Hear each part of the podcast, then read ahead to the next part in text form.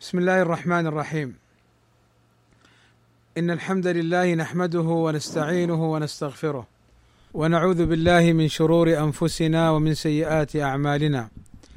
من يهده الله فلا مضل له ومن يضلل فلا هادي له وأشهد أن لا إله إلا الله وحده لا شريك له وأشهد أن محمدا عبده ورسوله. ألا وإن أصدق الكلام كلام الله وخير الهدى هدى محمد صلى الله عليه وسلم وشر الأمور محدثاتها وكل محدثة بدعة وكل بدعة ضلالة وكل ضلالة في النار. أما بعد ففي هذا اللقاء مع إخواننا في الجزائر وغيرهم ممن يسر الله عز وجل اللقاء بهم والمدارسة معهم أتدارس معهم وأتذاكر شيئا من سنة النبي صلى الله عليه وسلم ومن أحاديثه عليه الصلاة والسلام. وقد اخترت الكلام عن حديث عبد الله بن مسعود رضي الله عنه. قال خط لنا رسول الله صلى الله عليه وسلم خطا. ثم قال هذه سبيل الله. ثم خط خطوطا عن يمينه وعن شماله. وقال هذه سبل على كل سبيل منها شيطان يدعو إليه. ثم قرأ قوله تعالى وأن هذا صراطي مستقيما فاتبعوه ولا تتبعوا السبل فتفرق بكم عن سبيله. هذه الآية التي ذكرها النبي صلى الله عليه وسلم في هذا الحديث المؤكدة على أمور يجب علينا أن نسلكها. وأن نسير عليها لأن النبي صلى الله عليه وسلم خط خطا مستقيما وقال هذا الخط المستقيم الواحد هذا سبيل الله ثم خط خطوطا عن يمينه وعن شماله وقال هذه سبل أي طرق على كل طريق منها على كل سبيل منها شيطان. فهذا الحديث مع قوله تعالى اهدنا الصراط المستقيم صراط الذين أنعمت عليهم غير المغضوب عليهم ولا الضالين يوضح لنا ما يجب على المسلم أن يسلكه من اتباع الحق واتباع الصراط المستقيم وما يجب على المسلم أن يحذره من سبل الشيطان ومن الأمور التي يخدع بها الشيطان الإنسان لأن الله عز وجل كما أخبرنا النبي صلى الله عليه وسلم يقول في كتابه وأن هذا صراطي مستقيما لا اعوجاج فيه ولا انحراف عنه فاتبعوه أمر باتباع الصراط المستقيم. ليس هذا فقط بل ونهي عن السبل والطرق المنحرفة. ولا تتبعوا السبل فتفرق بكم عن سبيله.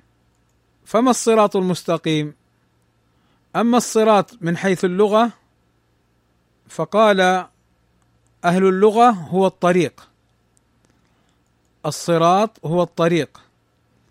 قال ابن قيم الجوزية رحمه الله تعالى الصراط ما جمع خمسة أوصاف.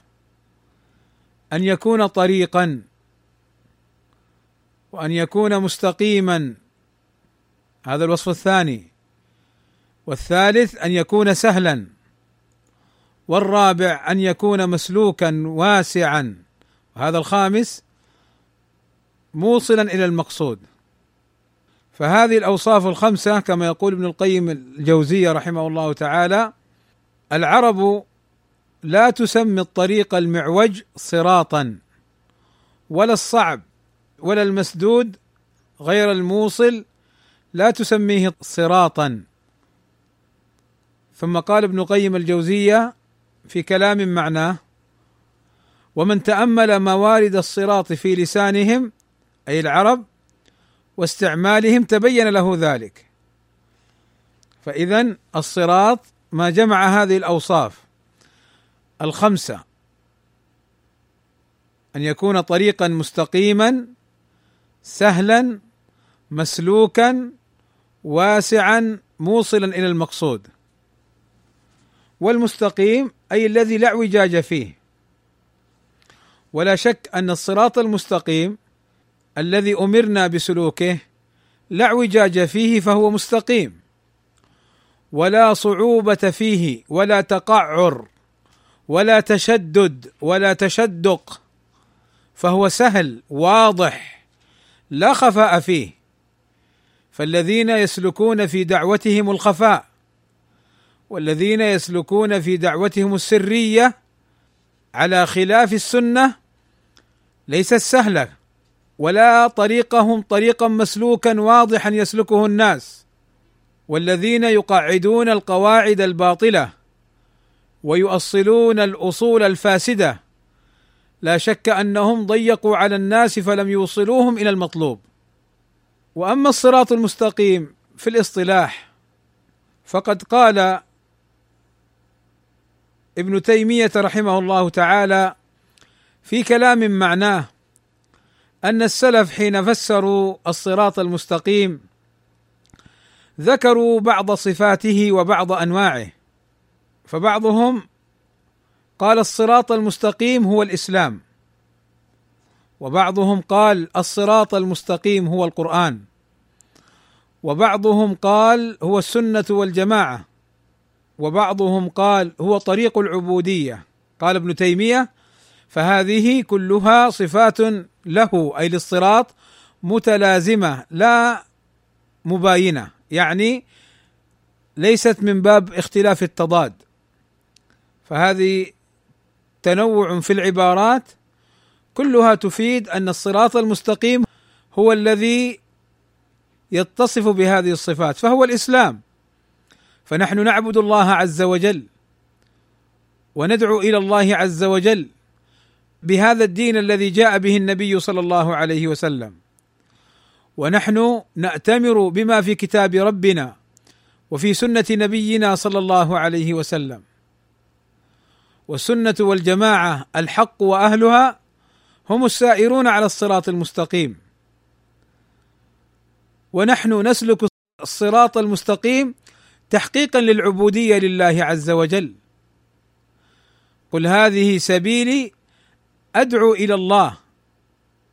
فالدعوة تكون إلى الله لا إلى النفس ولا إلى الذات إلى ذات الناس والأشخاص والمخلوقين ولا إلى الأحزاب والجماعة.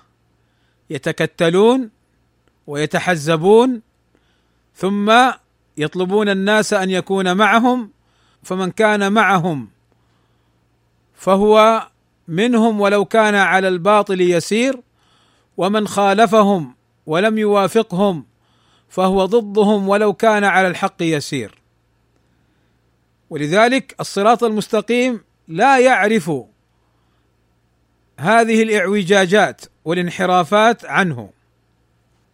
وقال ابن قيم الجوزية رحمه الله تعالى في كلام معناه إن الصراط المستقيم هو طريق الله الذي نصبه لعباده على ألسن رسله وجعله موصلا لعباده إليه ولا طريق لهم إليه سواه بل الطرق كلها مسدودة إلا هذا وهو إفراده بالعبودية وإفراد رسوله بالطاعة فلا يشرك به أحدا في عبوديته. ولا يشرك برسوله أحدا في طاعته فيجرد التوحيد ويجرد متابعة الرسول صلى الله عليه وسلم. انتهى. وهذا واضح فيما سبق بيانه وتقريره. ولكن تأملوا معي في قضيتين. القضية الأولى أن الصراط المستقيم واضح بين لا خفاء فيه. نصبه الله لعباده عن طريق رسله. الأمر الثاني أنه لا طريق للعباد للوصول إلى الله إلا من هذا الطريق الصراط المستقيم. فإن سلكوا غيره انحرفوا وضلوا وحادوا. ولذلك الذين يظنون أنهم بما تمليه عليهم عقولهم وقلوبهم من أفكار وخطط يسيرون بها الدعوة فيما يزعمون. هؤلاء ما يأتون إلا بالفرقة ولا يأتون إلا بما يخالف الحق وإن كان بعضهم قد يريد الحق. فالعبرة بسلوك طريق الحق لا بمجرد إرادته. ولذلك الصراط المستقيم له صفات. سنتعرف عليها إن شاء الله فيما يلي. فمن صفات الصراط المستقيم أنه ما جاء به الرسول صلى الله عليه وسلم من الإسلام كما جاء في حديث النواس ابن سمعان رضي الله عنه عن رسول الله صلى الله عليه وسلم قال ضرب الله مثلا صراطا مستقيما وعلى جنبتي الصراط سوران فيهما أبواب مفتحة وعلى الأبواب ستور مرخاة وعلى باب الصراط داع يقول أيها الناس ادخلوا الصراط جميعا ولا تتفرجوا وداع يدعو من جوف الصراط فإذا أراد يفتح شيئا من تلك الأبواب قال ويحك لا تفتحه فإنك إن تفتحه تلجه. قال صلى الله عليه وسلم والصراط الإسلام والسوران حدود الله تعالى والأبواب المفتحة محارم الله تعالى وذلك الداعي على رأس الصراط كتاب الله عز وجل. والداعي فوق الصراط واعظ الله في قلب كل مسلم.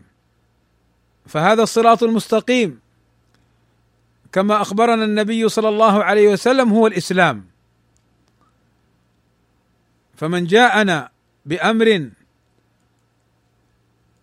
ليس مما جاء به النبي صلى الله عليه وسلم فإنه لا يقبل منه. كما قال صلى الله عليه وسلم من عمل عملا ليس عليه أمرنا فهو رد. ومن صفات الصراط المستقيم الاستقامة وعدم الاعوجاج. كما مر معنا في حديث ابن مسعود خط خطوطا عن يمينه وعن شماله. وهذه الخطوط معوجة. قال أهل العلم هذه الخطوط في أولها قريبة من الصراط المستقيم. ثم كلما سار فيها كلما ابتعد عن الصراط المستقيم. ومن صفات الصراط المستقيم أنه واحد أنه واحد. كما مر معنا فأهل الباطل لهم سبل من المخادعة والمكر والخديعة والأوجه المتغيرة المتقلبة. فاليوم يحرم امرا كان يحله بالأمس وبالأمس يطعن في رجل يزكيه اليوم والرجل هو هو والطريقة هي هي ولكنه تختلف ويتلاعب حسب هواه. لا يسلك مسلكا واحدا ولا يمضي في طريق الحق. الصراط المستقيم من صفاته أنه واحد. لماذا؟ لأن مرده إلى الله عز وجل. كما قال ابن قيم الجوزية وأما الباطل فطرقه متشعبة متعددة لأنها لا ترجع إلى شيء موجود بل هي بمنزلة بنيات الطريق. وأما طريق الحق فبمنزلة الطريق الموصل إلى المقصود. فهي وإن تنوعت فأصلها طريق واحد كما قال ابن القيم الجوزية في كلام معناه. ولذلك هذه القضية يا إخواني مهمة. إذا رأيت الرجل يتلون ويتغير ويبدل ما كان يعرفه كما قال حذيفة رضي الله عنه إن الضلالة حق الضلالة أن تنكر ما كنت تعرف وتعرف ما كنت تنكر. وهنا مراد حذيفة رضي الله عنه ليس معناه رجوعك عن الباطل إلى الحق ولكن معناه أنك كنت تعرف الحق وتتبعه ثم تركته وتنكرت له. ثم تركته وتنكرت له وسلكت سبل أهل الباطل. إن الضلال حق الضلاله أن تنكر ما كنت تعرف وتعرف ما كنت تنكر. فالشيء الذي كنت تراه باطلا وكنت تراه سيئا مخالفا للحق إذا بك اليوم تتبعه. وتسلكه وتنصره. ثم قال حذيفة رضي الله عنه وإياك والتلون فإن دين الله تعالى واحد وهو الصراط. الإسلام دين الله واحد. بعضهم يتلون لمصالحه وبعضهم يتلون لأجل شيخه وبعضهم يتلون لأغراض نفسية. لا يرتضي فلان ولا يرتضي فلان ولو كانوا على الحق لكن يبغضهم. فإذا جاءته الفرصة قلب وجه المجن وتنكر. فهذا أمر مهم إخواني أن نتنبه له وأن نتقي الله عز وجل في أنفسنا أن لا نكون ممن عرف الحق ولم يتبعه. وأن لا نكون ممن كان على الحق ثم خالفه. أيضا من صفات أهله أو من صفات الصراط المستقيم قلة أهله. قال صلى الله عليه وسلم بدأ الإسلام غريبا وسيعود غريبا كما بدأ فطوبى للغرباء. وقال الحسن البصري يا أهل السنة ترفقوا رحمكم الله فإنكم من أقل الناس. وقال الثوري استوصوا بأهل السنة خيرا فإنهم غرباء. وقال الفضيل بن عياض اتبع طرق الهدى ولا يضرك قلة السالكين وإياك وطرق الضلالة ولا تغتر بكثرة الهالكين. فالذين هم على الحق من علاماتهم أنهم قلة. ولذلك الذين يفرحون بالكثرة ويفرحون بالعدد هنا وهناك ويجعلون أناسا يناصرونهم فلا شك أن هذا ليس هو علامة من حيث هي على أنهم على الحق، الحق اتباع الكتاب والسنة. واتباع ما كان عليه سلف الأمة واتباع الصراط المستقيم.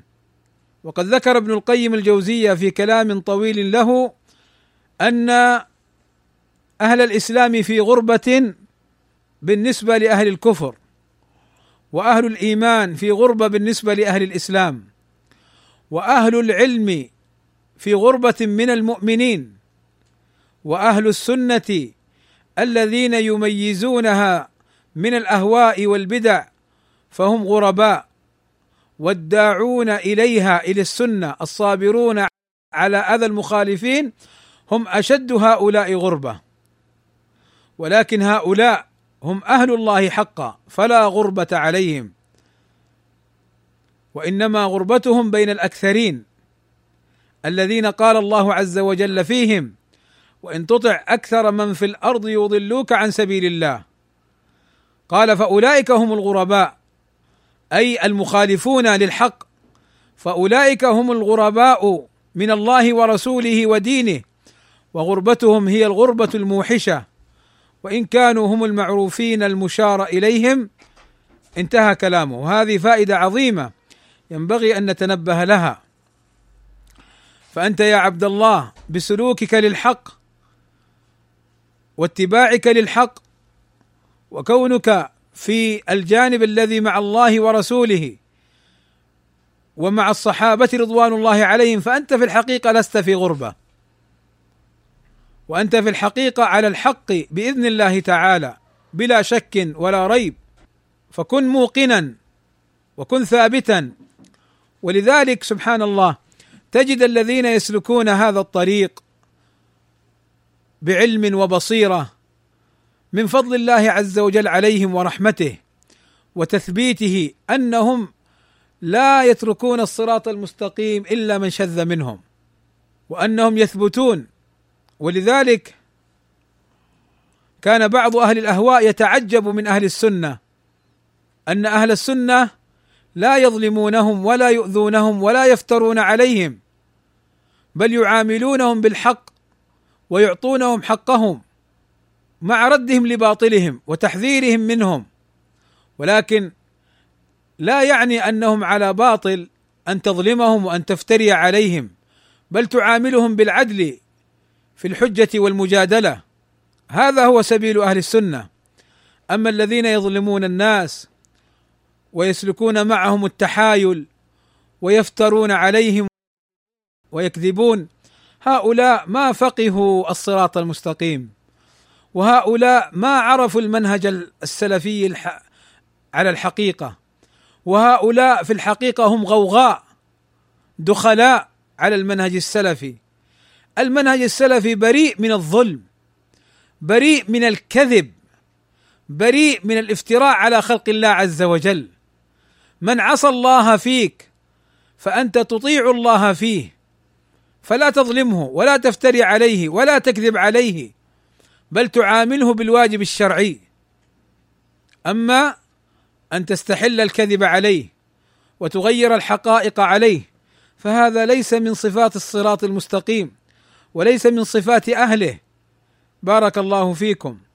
أيضا من صفات الصراط المستقيم كما سبق معنا أنه ثابت لا يتغير ولا يتلون ولا يتبدل بل صراط يوصل إلى الله. وما أجمل ما قاله العلامة الإمام الناقد الألباني رحمه الله تعالى الصراط والطريق إلى الله طويل. وليس المهم أن أن تصل ولكن المهم أن تموت عليه. أي أن تموت على الصراط. فلا تموت وأنت منحرف مبدل كل يوم مع الطائفة مرة مع تلك ومرة مع تلك لمن غلب فتكون معه.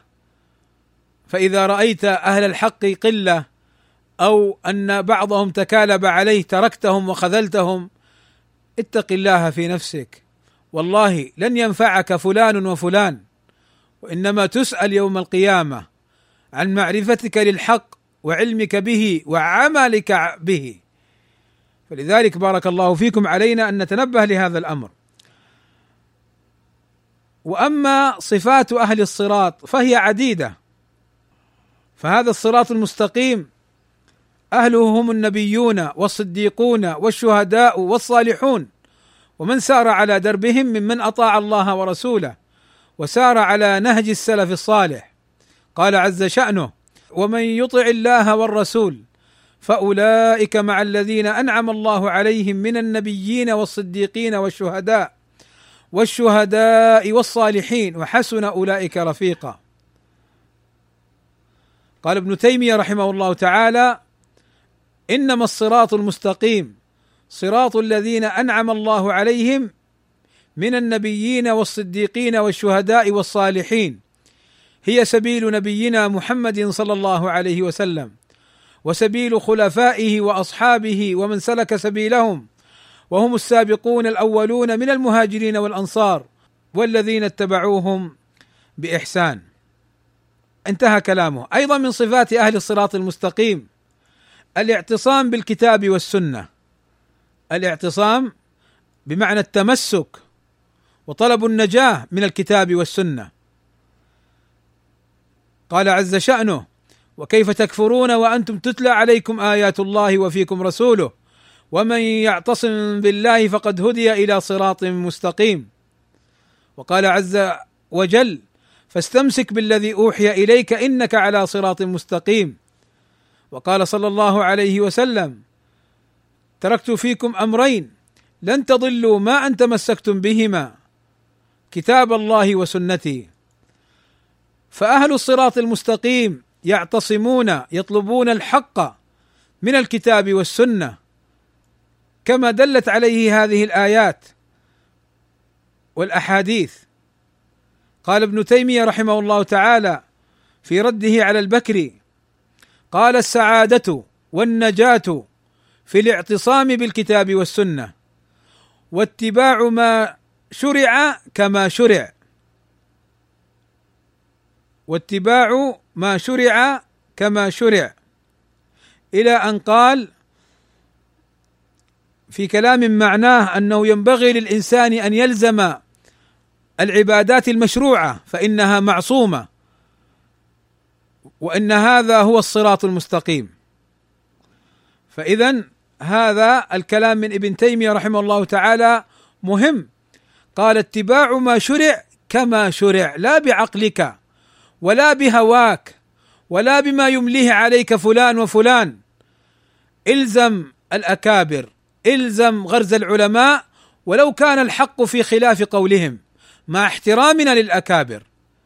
هذا عجيب والله أن يعلق الحق بالأشخاص هذه مصيبة.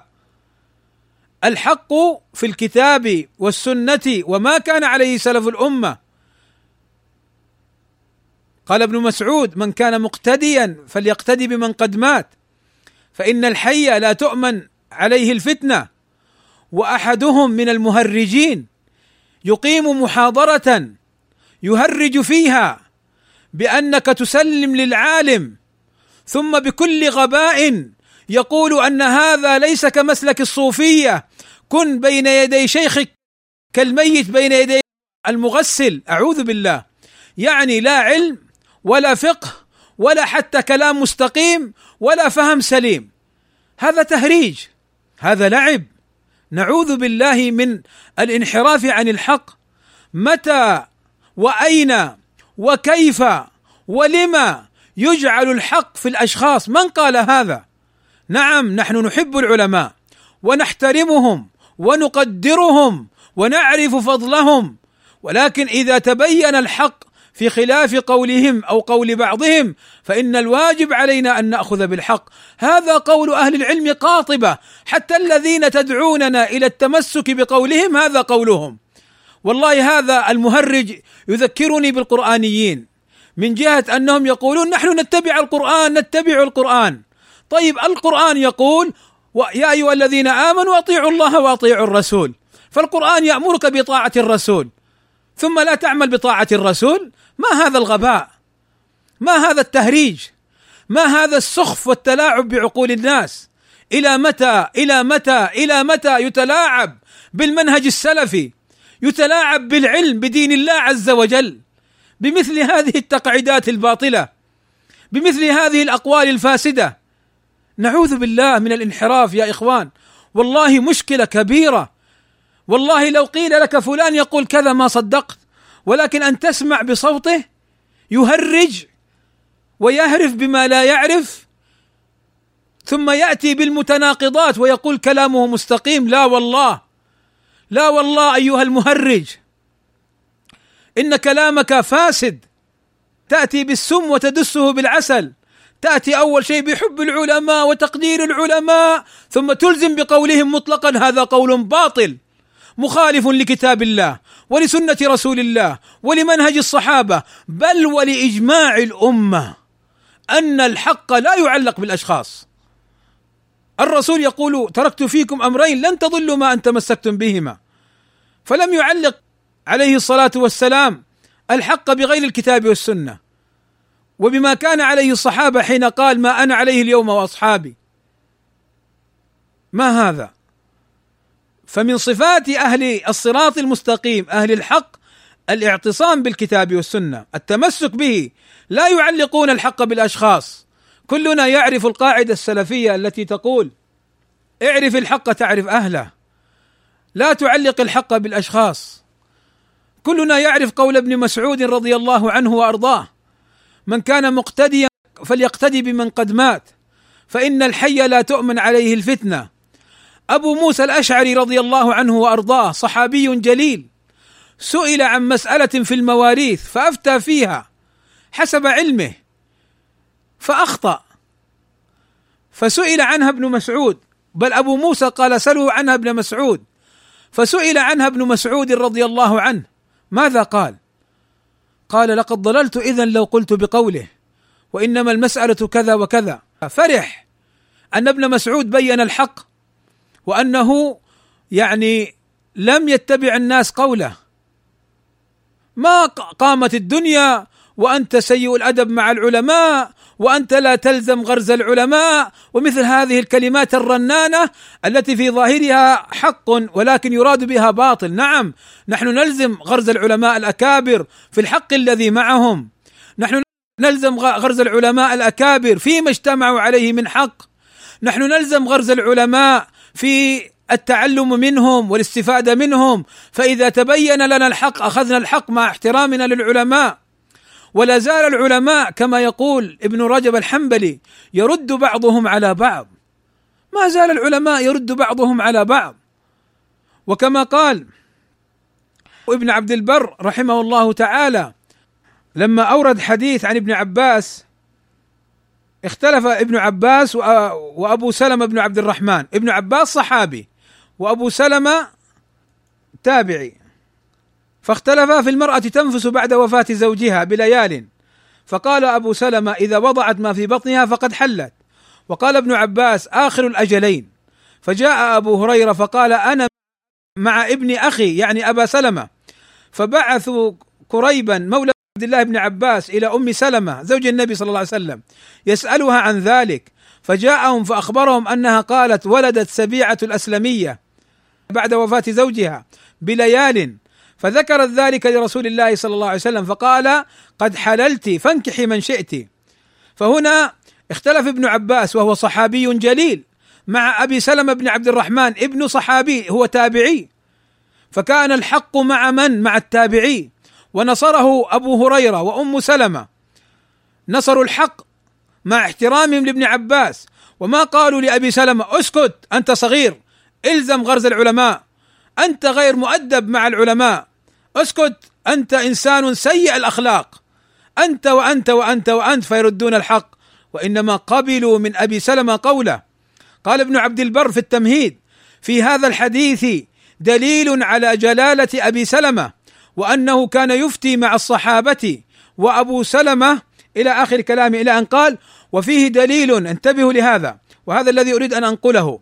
وفيه دليل على أن العلماء لم يزالوا يتناظرون ولم يزل منهم الكبير لا يترفع على الصغير ولا يمنعون الصغير إذا علم أن ينطق بما علم. ورب صغير في السن كبير في علمه والله يمن على من يشاء بحكمته ورحمته. قال وفيه دليل على أن المناظرة وطلب الدليل وموقع الحجة كان قديما من لدن زمن الصحابة هلم جرى لا ينكر ذلك إلا جاهل. وفيه دليل على أن الحجة عند التنازع سنة رسول الله. ما قال غرز العلماء ما قال الأكابر الأكابر. فيه دليل على أن الحجة عند التنازع سنة رسول الله صلى الله عليه وسلم فيما لا نص فيه من كتاب وفيما فيه نص أيضا إذا احتمل الخصوص لأن السنة تفيد مراد الله من كتابه. قال الشافعي من عرف الحديث قويت حجته. إلى آخر كلامه رحمه الله تعالى.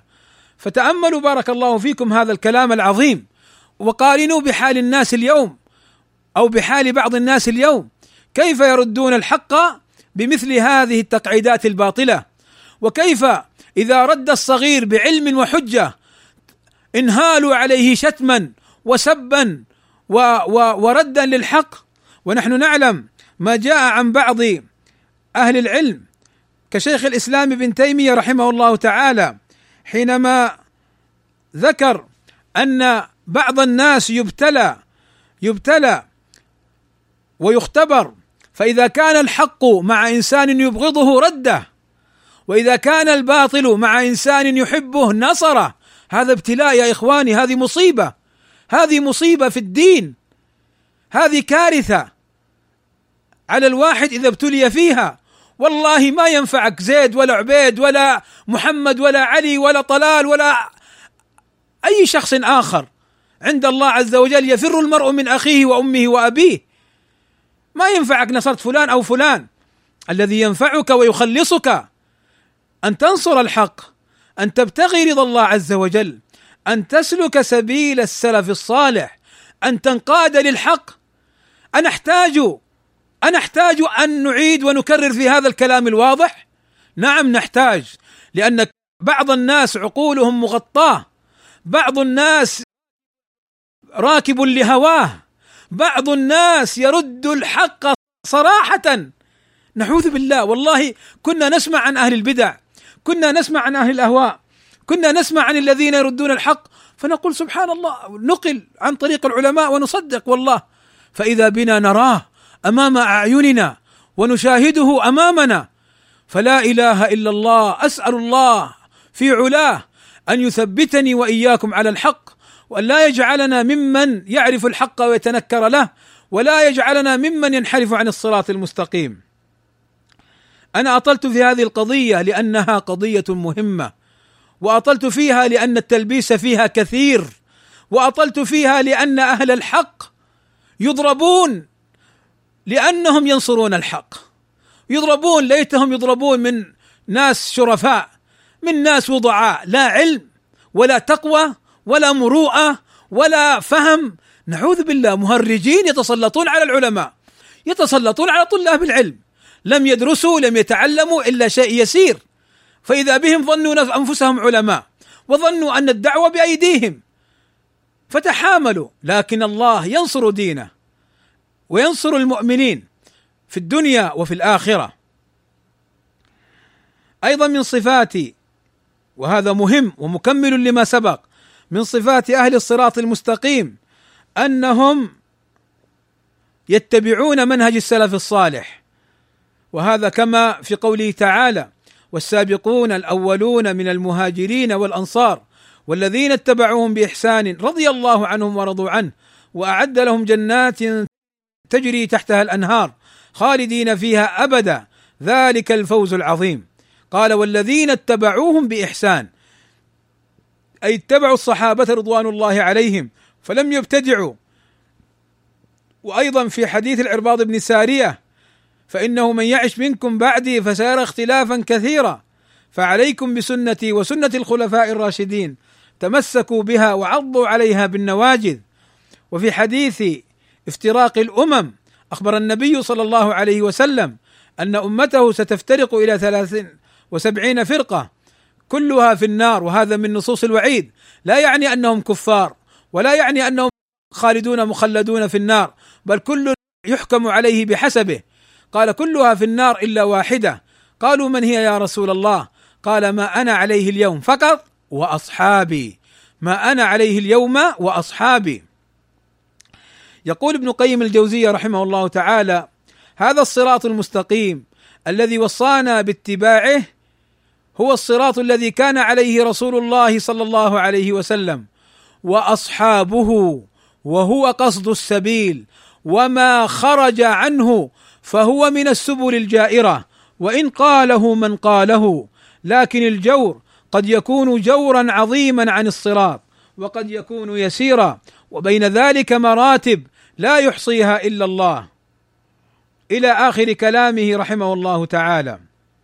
إلى أن قال فالميزان الذي يعرف به الاستقامة على الطريق والجور عنه هو ما كان رسول الله صلى الله عليه وسلم وأصحابه عليه والجائر عنه إما مفرط ظالم أو مجتهد متأول أو مقلد جاهل فمنهم المستحق للعقوبة ومنهم المغفور له ومنهم المأجور اجرا واحدا بحسب نياتهم ومقاصدهم واجتهادهم في طاعة الله ورسوله أو تفريطهم.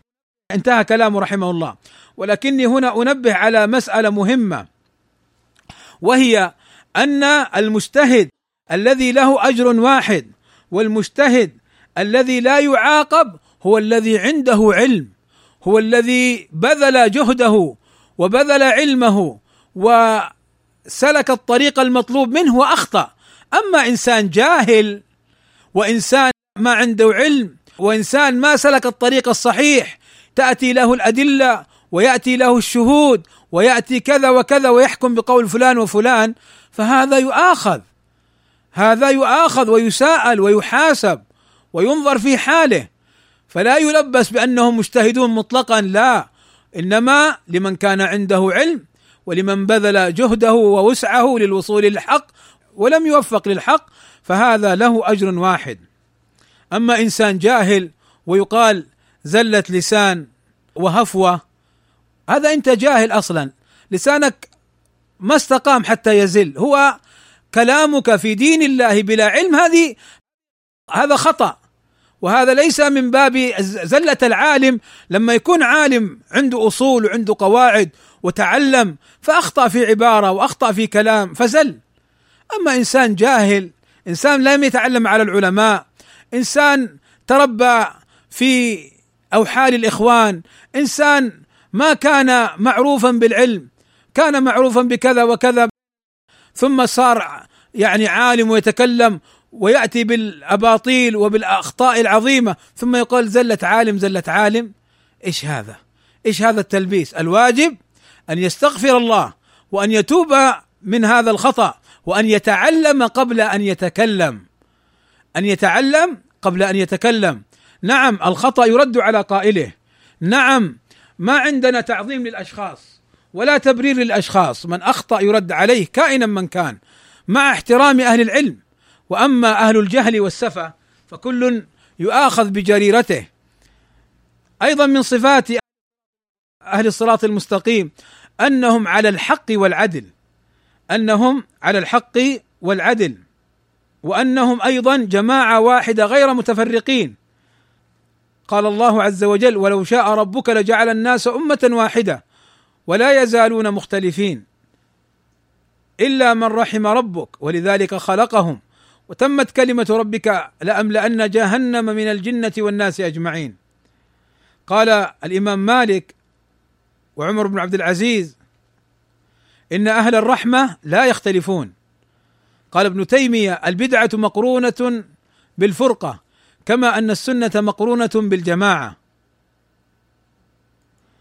أيضا من صفات أهل الصراط المستقيم أنهم لا ينحرفون يمنه ويسرى بل هم ثابتون على الحق لا يتغيرون ولا يحيدون بخلاف أهل الأهواء الذين كل يوم وهم على رأي ومشرب ومذهب يتخبطون كالفراش المتساقط على النار. قال عز شأنه أفمن يمشي مكبا على وجهه أهدى ام من يمشي سويا على صراط مستقيم. قال ابن تيمية رحمه الله تعالى العبد مأمور بالتزام الصراط المستقيم في كل أموره وقد شرع الله تعالى أن نسأله ذلك في كل صلاة وهو أفضل الدعاء أي اهدنا الصراط المستقيم وأفرضه وأجمعه لكل خير وكل أحد محتاج إلى الدعاء به. فلهذا أوجبه تعالى على العبد في كل صلاة. فإنه وإن كان قد هدي هدى مجملا مثل إقراره بأن الإسلام حق والرسول حق فهو محتاج إلى التفصيل في كل ما يقوله ويفعله ويعتقده فيثبته أو ينفيه ويحبه أو يبغضه ويأمر به أو ينهى عنه ويحمده أو يذمه وهو محتاج في جميع ذلك إلى أن يهديه الله الصراط المستقيم. صراط الذين أنعم الله عليهم من النبيين والصديقين والشهداء والصالحين وحسن أولئك رفيقا. أيضا من صفات أهل هذا الصراط أنهم متمسكون بالصراط المستقيم ويسألون الله الثبات عليه. كما قال عز شأنه اهدنا الصراط المستقيم صراط الذين أنعمت عليهم غير المغضوب عليهم ولا الضالين. وقال عز وجل قل إنني هداني ربي إلى صراط مستقيم دينا قيما ملة إبراهيم حنيفا وما كان من المشركين. وروى مسلم عن أم المؤمنين عائشة رضي الله عنها وأرضاها أن النبي صلى الله عليه وسلم كان يفتتح صلاته إذا قام من الليل. باللهم رب جبريل وميكائيل وإسرافيل فاطر السماوات والأرض عالم الغيب والشهادة أنت تحكم بين عبادك فيما كانوا فيه يختلفون. اهدني لما اختلف فيه من الحق بإذنك. إنك تهدي من تشاء إلى صراط مستقيم. فهذه النصوص تفيد أن أهل هذا الصراط يتمسكون به ويسألون الله الثبات عليه. وهنا أنبه نفسي وإخواني أنه يجب على الواحد منا أن لا يغتر بنفسه وأن لا يقول أنا لا أخطئ وأنا يعني آه لا أنحرف. بل الواجب على الواحد منا أن يسأل الله عز وجل الصراط المستقيم وأن يثبته عليه وأن يجنبه طرق الردى والهلاك طرق أهل الضلالة وأهل الغواية طرق المغضوب عليهم ولا الضالين. قال ابن حبان ذكر ما يجب على المرء من ترك تتبع السبل دون لزوم الطريق ال... الذي هو الصراط المستقيم. ثم ذكر حديث ابن مسعود خط لنا خطا مستقيما. أيضا من صفات أهل الصراط المستقيم أنهم يتعلمون فيعملون. قال ابن تيمية رحمه الله تعالى على كل مسلم أن ينظر فيما أمر الله به ورسوله فيفعله وما نهى الله عنه ورسوله فيتركه. هذا هو طريق الله وسبيله ودينه الصراط المستقيم. صراط الذين أنعم الله عليهم. قال إلى أن قال وهذا الصراط المستقيم يشتمل على علم وعمل علم شرعي وعمل شرعي. فمن علم ولم يعمل بعلمه كان فاجرا ومن عمل بغير علم كان ضالا. وقد أمرنا الله تعالى أن نقول اهدنا الصراط المستقيم صراط الذين أنعمت عليهم غير المغضوب عليهم لأن المغضوب عليهم اليهود وعملوا بخلاف ما علموا ولا الضالين والضالين النصارى الذين عملوا بلا علم. إخواني من فوائد الصراط المستقيم سلوكا ولزوما هناك فوائد عديدة. منها أن أهله يمرون على الصراط على حسب تمسكهم بالصراط. كما قال ابن قيم الجوزية رحمه الله تعالى أن أهل الصراط يختلف مرورهم بحسب اختلاف استقامتهم على الصراط في الدنيا. فمار كالبرق وكالريح وكالطير وكأجاويد الخيل وساع وماش وزاحف وحاب حبوى. إلى أن قال رحمه الله تعالى وقد طفئ نور المنافقين على الجسر أحوج ما كانوا إليه كما طفئ في الدنيا من قلوبهم أيضا من فوائد سلوك الصراط المستقيم أنه سبب النجاة. كما ذكر الله عز وجل لنا وكما ذكر الرسول صلى الله عليه وسلم. يقول ابن تيمية رحمه الله تعالى في كلام الله كل عبد مضطر إلى الصراط المستقيم وسؤال الله أن يهديه إلى الصراط المستقيم. قال فإنه لا نجاة من العذاب إلا بهذه الهداية ولا وصول إلى السعادة إلا به. فمن فاته هذا الهدى فهو إما من المغضوب عليهم وإما من الضالين. وأما الاهتداء لا يحصل إلا بهدى الله.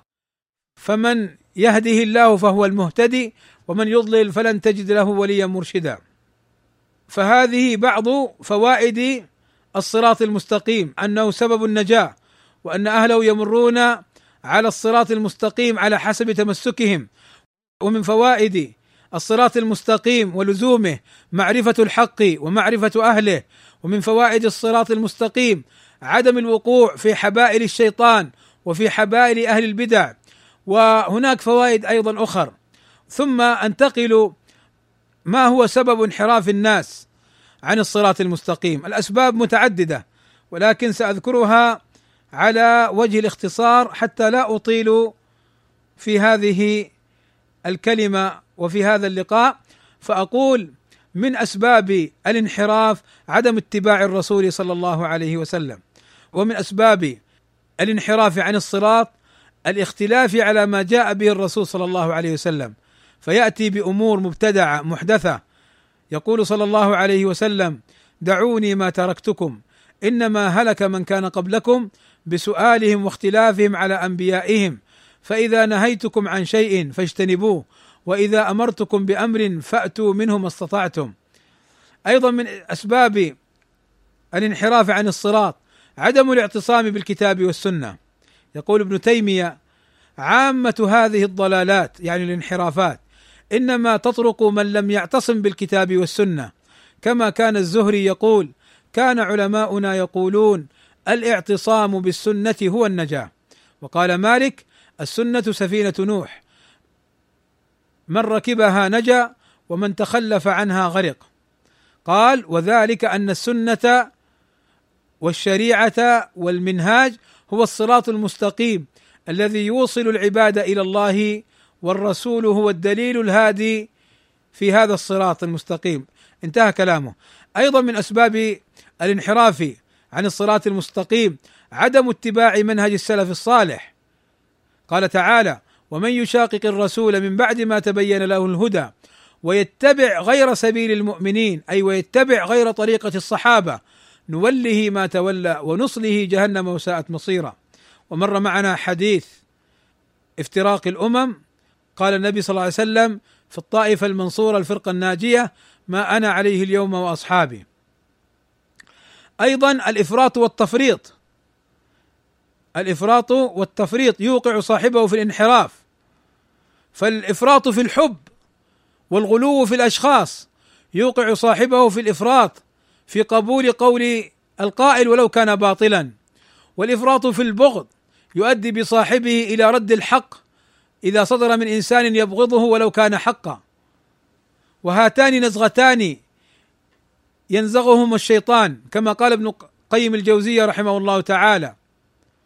قال ما أمر الله عز وجل بأمر إلا وللشيطان فيه نزغتان إما تقصير وتفريط وإما إفراط وغلو. فلا يبالي بأيهما أو بما ظفر من العبد من الخطيئتين. إلى آخر كلامه رحمه الله تعالى.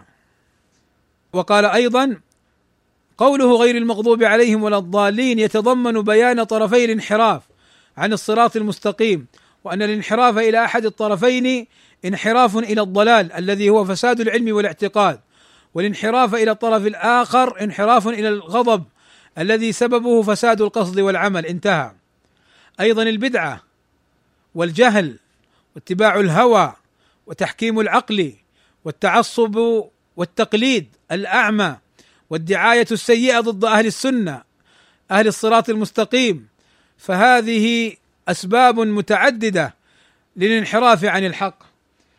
إخواني بارك الله فيكم تدارست معكم شيئا مما يتعلق بالصراط المستقيم.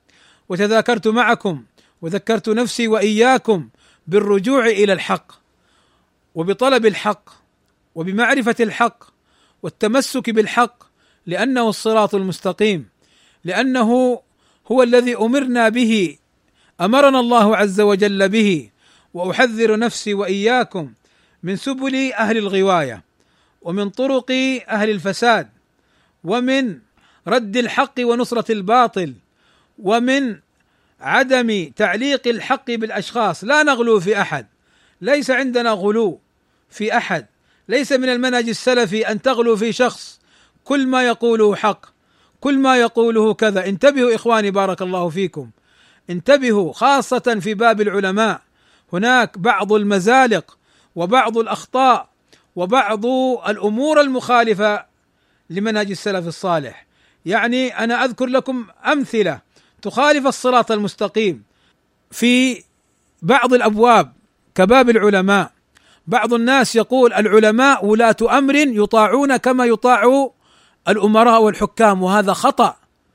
إنما العلماء يبينون الحق وليس لهم السمع والطاعة كولاة الأمر. العلماء ليس لهم التدخل في مسائل الجهاد. نعم يبينون أحكامه يبينون مقاصده ولكن الدعوة إلى الجهاد إنما هي للأمراء والحكام. ليس للعالم أن يتدخل في شؤون الدول الأخرى وإنما لكل دولة شؤونها. وإذا أراد امرا ينبغي للعالم أن يرفعه لولاة الأمر وهم ينظرون.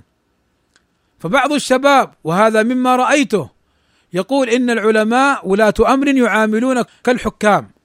وترتب على هذا أنك لا يجوز لك أن تنكر على العالم علانيه كما لا يجوز أن تنكر على الحاكم علانيه أما الحاكم فنعم. قال صلى الله عليه وسلم من أراد أن ينصح لذي سلطان فلا ينكر عليه علانيه ولكن ليأخذ بيده وليخلو به فلينصح فإن قبل وإلا كان أدى الذي عليه. نعم وردت السنة بذلك ولكن أين السنة؟ أن العالم ينصح سرا. أما أنكر الصحابة بعضهم على بعض ورد بعضهم على بعض إذا بلغهم أمر يخالف القرآن أو السنة. أما رد العلماء بعضهم على بعض أهؤلاء كلهم يجهلون وأنتم الذين تعلمون. يا إخواني هذا انحراف عن الصراط المستقيم. من صور الانحراف عن المستقيم أن تعظم العالم. فإذا رد عليه وأنت تعرف أن قوله خطأ تقول لا لا ترد على العالم وهذا سوء أدب والزم غرز العلماء وما ينبغي لك أن ترد على العالم هذا خطأ. هذا ليس مسلك أهل الحق وأهل الصراط المستقيم. يرد على المخطئ كائنا من كان. نعم يرد على العالم بأدب. فإذا رد على العالم الخطأ بالدليل الشرعي وبين أن قوله خطأ هذا ليس سوء أدب هذا الحق الواجب. فوصف الحق الواجب في الرد على خطأ العالم بأنه سوء أدب هو من سوء الأدب. بارك الله فيكم.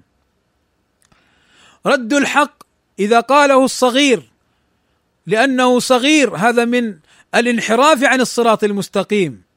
تعظيم شخص وعدم قبول الرد عليه وأن من يرد عليه أخطاءه فهو يطعن فيه أو يسيء الأدب هذا خطأ.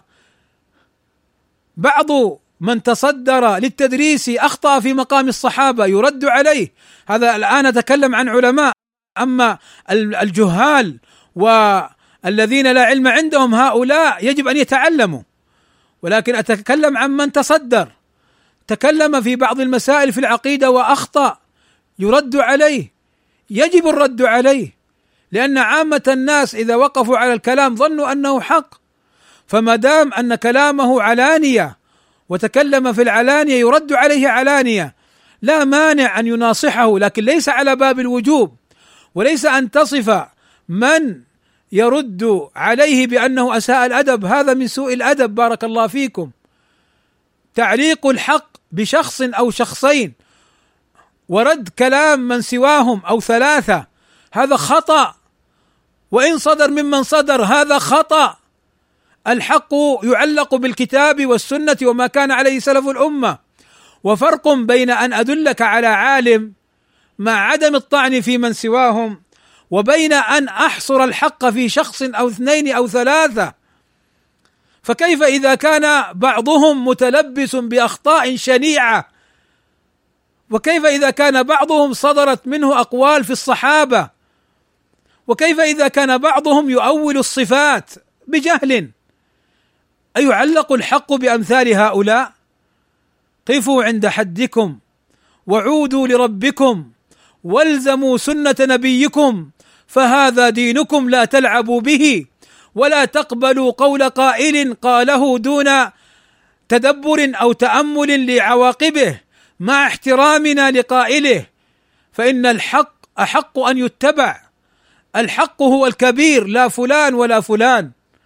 الواجب اتباع الحق هذا هو الكبير وهذا هو الأكابر الحق.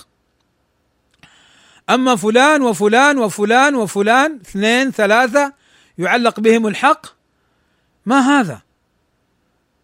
ما هذا؟ ابن مسعود يقول فليستم بمن قد مات. يعني تمسكوا بالكتاب والسنة وما كان عليه الصحابة. وأنت تجعل الحق في فلان أو فلان.